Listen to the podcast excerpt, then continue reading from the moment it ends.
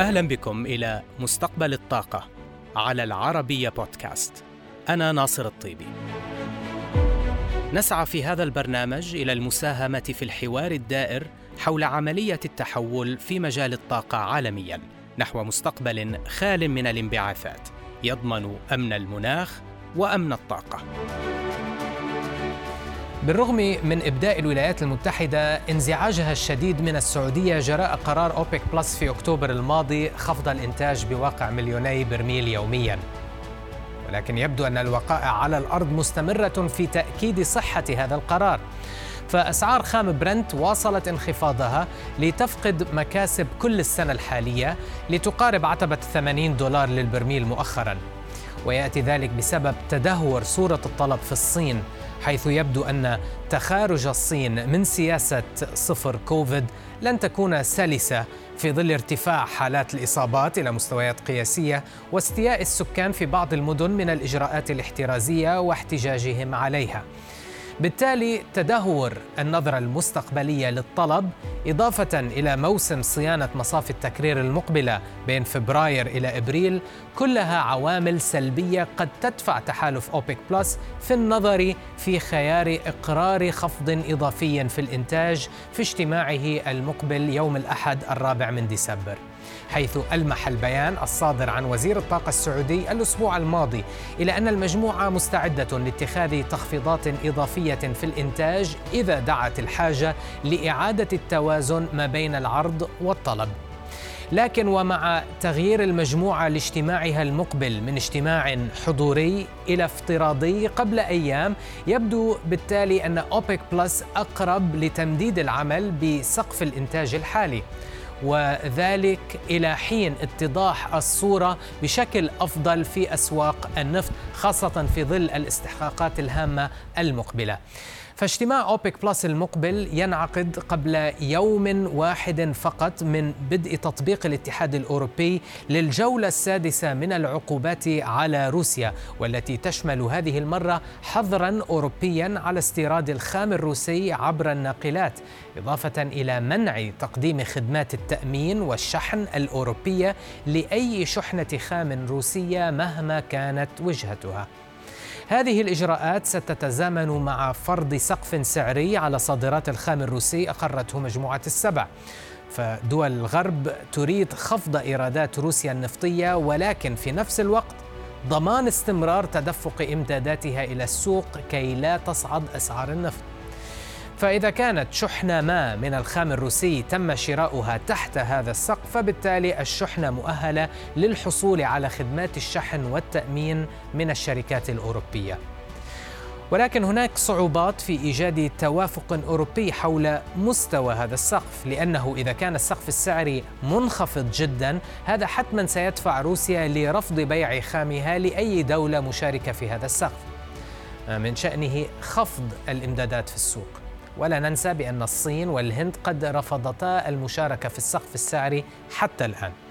وفي ظل تلك المعطيات توقعت وكالة الطاقة الدولية انخفاض الإنتاج النفطي الروسي العام المقبل بنحو 15% لكن العوامل المتغيرة عديدة. وكل التوقعات السابقة بحدوث انخفاض حاد في الإنتاج الروسي هذا العام لم تتحقق بالرغم من العقوبات المتزايدة. لذا فبالرغم من الضبابية الحالية التي تعيشها السوق النفطية بات مؤكدا أن التحالف بقيادة السعودية سينتهج المسلك المتحفظ ويلزم الحيط والحذر إلى حين وضوح الرؤية. فلن يتم تبديد المكاسب التي تم تحقيقها على صعيد استقرار السوق خلال السنتين الماضيتين لا سيما في ضوء الجهود الجبارة والتكلفة العالية التي تحملها أعضاء التحالف وعلى رأسهم السعودية.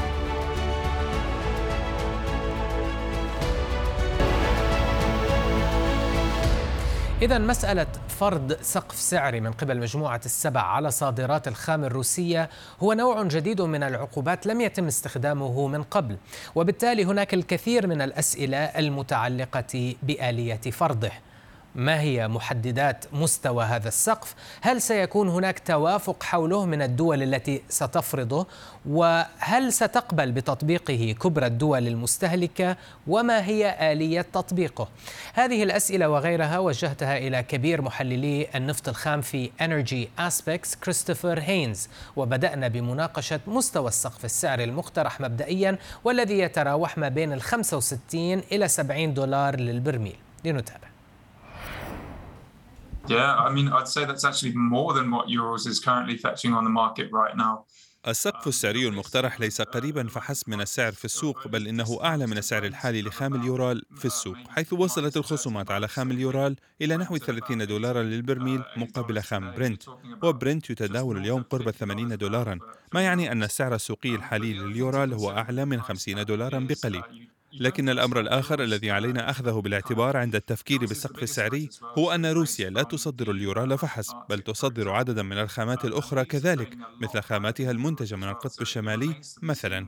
وتلك الخامات تتداول أسعارها اليوم عند مستويات أعلى من خام اليورال حتى لذا علينا أن ننتظر لنرى كيف سيتم تصميم آلية هذا السقف السعري. لكن حاليا وفي ضوء تداول خام اليورال دون مستوى السقف المقترح فإن السقف السعري لن يغير الكثير ولكن في حال عاودت أسعار النفط ارتفاعها واتجه برنت نحو 100 دولار في حينها سقف السعري قد يصبح محل شك لأن روسيا ستكون قادرة على البيع خارج هذا السقف وتحقيق أرباح أعلى. هل تتوقعون بأن يكون السقف السعري على صادرات الخام الروسية أمرا قابلا للتنفيذ والتطبيق على أرض الواقع أم أنه سيكون إجراء عقابيا ولكن من دون مخالب حقيقية؟ هناك جانب لم ننظر إليه بعناية وهو أن روسيا تعمل حاليا على سن قانون لا يجيز لأي شركة روسية أن تبيع النفط بموجب السقف السعري ولكن النفط الروسي سيجد طريقه إلى الأسواق عبر موانئ روسيا الأوروبية فالحظر الأوروبي سيكون واقعه أكبر على روسيا من وقع السقف السعري لأن الحظر سيوقف صادرات روسيا إلى أوروبا. أما السقف السعري فسيجعل العديد من الدول الأخرى وشركاتها تفكر مرتين قبل التعامل بالخام الروسي لأن ذلك قد يستدعي احتمالية التعرض لعقوبات أوروبية أو أمريكية. وهذا خطر كبير لا تريد بعض الشركات أن تتعرض له. كريستوفر على نفس هذه النقطة هل ممكن لجولة العقوبات الأوروبية السادسة على روسيا والتي تستهدف حظر خدمات الشحن والتأمين عن الصادرات النفطية الروسية أن يتم تطبيقها من دون تطبيق سقف سعري؟ Um, أعتقد بأن السقف السعري سيجعل الأمر أكثر صعوبة. الجولة السادسة من العقوبات الأوروبية تم تصميمها من دون فكرة السقف السعري في بادئ الأمر. هذه الفكرة تم طرحها من قبل الأمريكيين بهدف الإبقاء على تدفق جزء أكبر من الإمدادات الروسية إلى السوق. فعلينا ألا ننسى بأن السوق الأمريكية منكشفة أكثر من الأوروبية على تقلبات أسعار النفط، لأن نسبة الضرائب فيها أقل من أوروبا. لذا أي اضطراب في أسواق النفط عالميا سيؤثر أكثر على المستهلك الأمريكي مقارنة بالأوروبي وما نشهده اليوم هو خلاف في الآراء حول هذا السقف لأن ما يحرك الأوروبيين للانضمام إلى السقف السعري هو الحجم الكبير نسبيا لقطاع الشحن البحري في دول مثل اليونان ومالطا وقبرص والتي تعتمد اقتصاداتها كثيرا عليها. بالتالي ما هي توقعاتكم لحجم الانخفاض المرتقب للإنتاج وللصادرات الروسية في ضوء العقوبات المقترحة؟ So I think your first round of crude sanctions that's coming up on the 5th of December. في الدفعة الأولى من العقوبات الأوروبية في الخامس من ديسمبر المقبل على صادرات الخام الروسية لن نشهد لها أثرا فوريا وذلك لأن الخام الروسي سيتم تحميله كما العادة على الناقلات وسيتم شحنه ولكن إلى أسواق جديدة حول العالم. ولكن المشكلة الأكبر ستكون في الخامس من فبراير المقبل عندما يتم فرض الحظر على صادرات المشتقات النفطية الروسية. فهناك مصاف روسية تعمل على تصدير الديزل والفيول أويل. وتحديدا إلى الأسواق الأوروبية. وعندما يدخل هذا الحظر حيز التنفيذ سيكون من الصعب جدا لروسيا أن تجد اسواقا بديلة لأن السوق الأوروبية دائما ما تواجه شحا في هذا النوع من المشتقات في حين أن باقي العالم دائما ما يكون لديه إمدادات كافية من الديزل. لذا الحظر على المشتقات قد يخفض إنتاج روسيا بنحو مليون برميل يوميا. كريستوفر هل هذا الرقم الانخفاض في الإنتاج أم في الصادرات الروسية؟ Um, معضلة مصف التكرير الروسية ستضغط على الإنتاج الروسي من الخام ولكن صادرات المشتقات أيضا ستنخفض ببضع مئات آلاف البراميل يوميا أيضا. ولكن بعد مرور عدة أشهر على تلك العقوبات ستتضح الصورة أكثر حول من هي الأطراف المرتاحة لاستلام النفط الروسي ومن هي الأطراف التي ستجد صعوبة في ذلك. وهل سنرى ضرورة أكبر لأسطول الناقلات الذي يعمل خارج المنظومة لنقل هذا النفط؟ منذ عدة أسابيع كان هناك بعض الإشارات إلى أن الصين قد تبدأ في تخفيف إجراءاتها الاحترازية المرتبطة بكورونا لكن أرقام الإصابات اليومية في تصاعد سريع ووصلت إلى مستويات قياسية جديدة بالتالي ما هي توقعاتكم للطلب الصيني خلال الأشهر المقبلة؟ نعم الوضع الاقتصادي سيء حقا في الصين وهذا ما يضغط على أسعار النفط. فإذا نظرت إلى عدد من المؤشرات الرئيسية كأحجام النفط المتدفقة نحو الصين حاليا فإنها تنخفض بشكل حاد. وهذا مؤشر بأن مصافي التكرير الصينية لديها كميات مريحة من المخزون مع اقتراب نهاية العام. حيث ما يتم شراؤه اليوم هو لتسليم شهر فبراير. وما سينتج عن ذلك هو ارتفاع أكبر في المخزونات الصينية مع اقتراب نهاية العام الحالي بسبب ضعف الطلب المحلي هناك. لكن تلك المخزونات ستعود للتراجع في شهري يناير وفبراير مع تراجع حجم الواردات. وهذا شيء سيتابعه تحالف أوبك بلس بدقة بالغة لأن السوق الصيني سوق مهم جدا بالنسبة له. لكن بكل تأكيد أعتقد بأن الطلب الصيني ضعيف جدا في الوقت الراهن. كريستوفر في ضوء هذه المعطيات هل تتوقعون محافظة أوبك على قرارها السابق بخفض الإنتاج بمليوني برميل يوميا خلال الاجتماع القادم في الرابع من ديسمبر؟ ما زال أمام الاجتماع بضعة أيام وستقوم أوبك خلالها بتقييم كل العوامل في السوق منها انتهاء صلاحية عقود الشهر المقبل حيث بالإمكان أن نرى بعض التغييرات عندما ندخل في عقود فبراير.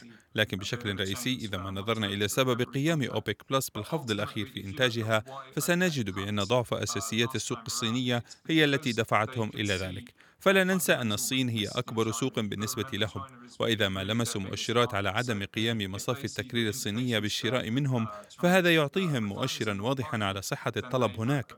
بالتالي ما سيستشفوه من عملائهم في الصين سيكون خير دليل على حقيقة الوضع هناك. وهذا قد يدفعهم إلى إبقاء الإنتاج عند مستوياته الحالية أو حتى إقرار خفض صغير ليستبقوا السوق ويدعموها بعض الشيء.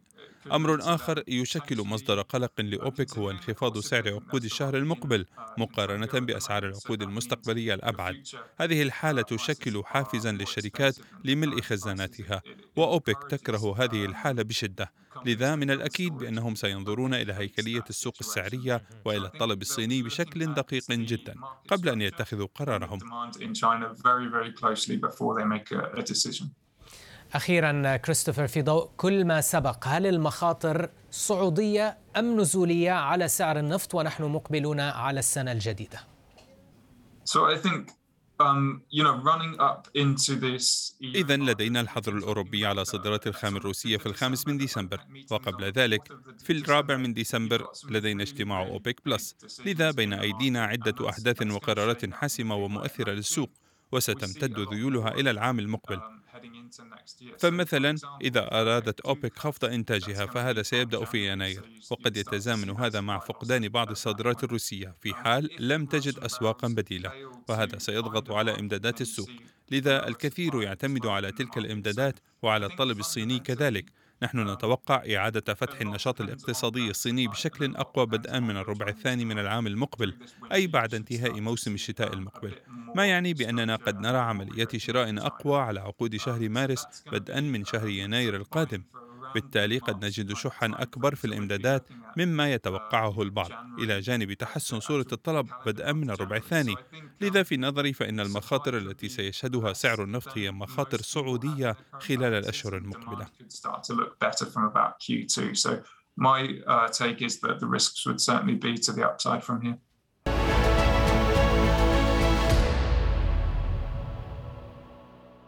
النقص في إمدادات الوقود مثل الديزل والبنزين الذي يواجه أوروبا والولايات المتحدة في ضوء سعيهم لإنهاء اعتمادهم على المشتقات الروسية يشكل فرصة سانحة لمصافي التكرير العملاقه في منطقة الشرق الأوسط والتي قامت بزيادة حجم قدراتها التكريرية في السنوات الماضية بينما توجهت الدول الغربية إلى خفضها. فما بين عام 2019 إلى 2021 انخفضت قدرات التكرير في أوروبا وأمريكا بنحو مليونين وأربعمائة ألف برميل يوميا بينما أضاف الشرق الأوسط وآسيا في نفس الفترة ما يقرب من مليونين ونصف المليون برميل يومياً. ويبدو أن هذه الفجوة في القدرات التكريرية بين الشرق والغرب مرشحة للازدياد. فالتقديرات تشير إلى أن العالم سيضيف خلال السنوات الثلاث المقبلة ما يقرب من ثمانية ملايين برميل يوميا من قدرات التكرير الجديدة. ومن المتوقع أن 90% من تلك الإضافات الجديدة سيتم بناؤها في الشرق الأوسط وآسيا. فمصافي الشرق الأوسط ستقوم بتكرير ما يصل إلى 8.8 مليون برميل يوميا من الخام خلال عام 2023 بحسب وكالة الطاقة الدولية. ما يعد نموا بنحو مليون برميل يوميا عن مستويات ما تم معالجته عام 2019 ما سيسمح بلا شك بتصدير كميات أكبر من الوقود إلى دول أوروبا التي تعاني من نقص في القدرات التكريرية وتواجه مخاطر أمن الوقود. فمعضلة شح المشتقات النفطية في أوروبا وتحديدا من الديزل مرشحة لمزيد من التأزم خلال الأشهر القليلة المقبلة. في ظل توجه الاتحاد الأوروبي لحظر استيراد كافة المشتقات النفطية الروسية عبر الناقلات البحرية بدءا من مطلع فبراير المقبل.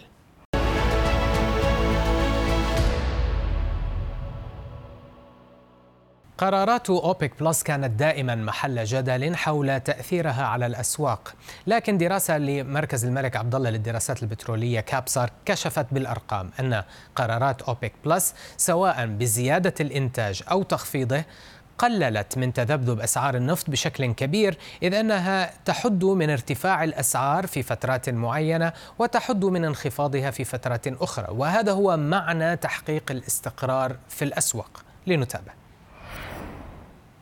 لطالما أثبتت الوقائع صحة قرارات أوبيك بلس التي تتخذها للمحافظة على توازن الأسواق واستقرارها في مواجهة المتغيرات على الساحة الاقتصادية العالمية. Our priority now. دراسة جديدة لمركز الملك عبد الله للدراسات والبحوث البترولية كابسارك كشفت أن إدارة أوبيك بلس لطاقتها الإنتاجية الفائضة قلل من تقلبات أسعار النفط بنحو 50% خلال الفترة من يناير 2017 وحتى أغسطس 2021 فقبل كورونا خفضت قرارات أوبيك بلس متوسط الأسعار بمقدار دولارين ونصف الدولار. أما ومع دخول الجائحة وحدوث صدمة الطلب ارتفع متوسط الأسعار من 18 دولارا إلى 54 دولارا ويشهد قطاع النفط منذ عقود طويلة صدمات كبيرة ومتكررة في العرض والطلب لأسباب منها الحروب والكوارث الطبيعية والتغيرات في النمو الاقتصادي وغيرها. تقلبات تؤثر على أسعار النفط التي تعد مصدرا للتكاليف الاقتصادية التي يتحملها المستهلكون والمنتجون. ويتخذ بعضها شكل الصدمات في الاقتصاد العالمي وتؤثر على الإيرادات والاستثمارات وخطط الإنتاج. ومع حدوث أي من الصدمات في أسواق النفط فهو يتطلب تعديلا كبيرا نسبيا للأسعار لاستعادة التوازن وتحقيق الاستقرار لأثره الإيجابي على الاقتصاد العالمي فقد أثبتت دراسة لأوبك أن طاقتها الإنتاجية الفائضة رفعت من الناتج المحلي الإجمالي العالمي 200 مليار دولار سنوياً. بهذا نصل إلى نهاية حلقتنا لهذا الأسبوع. نلقاكم الأسبوع المقبل في حلقة جديدة من مستقبل الطاقة على العربية بودكاست.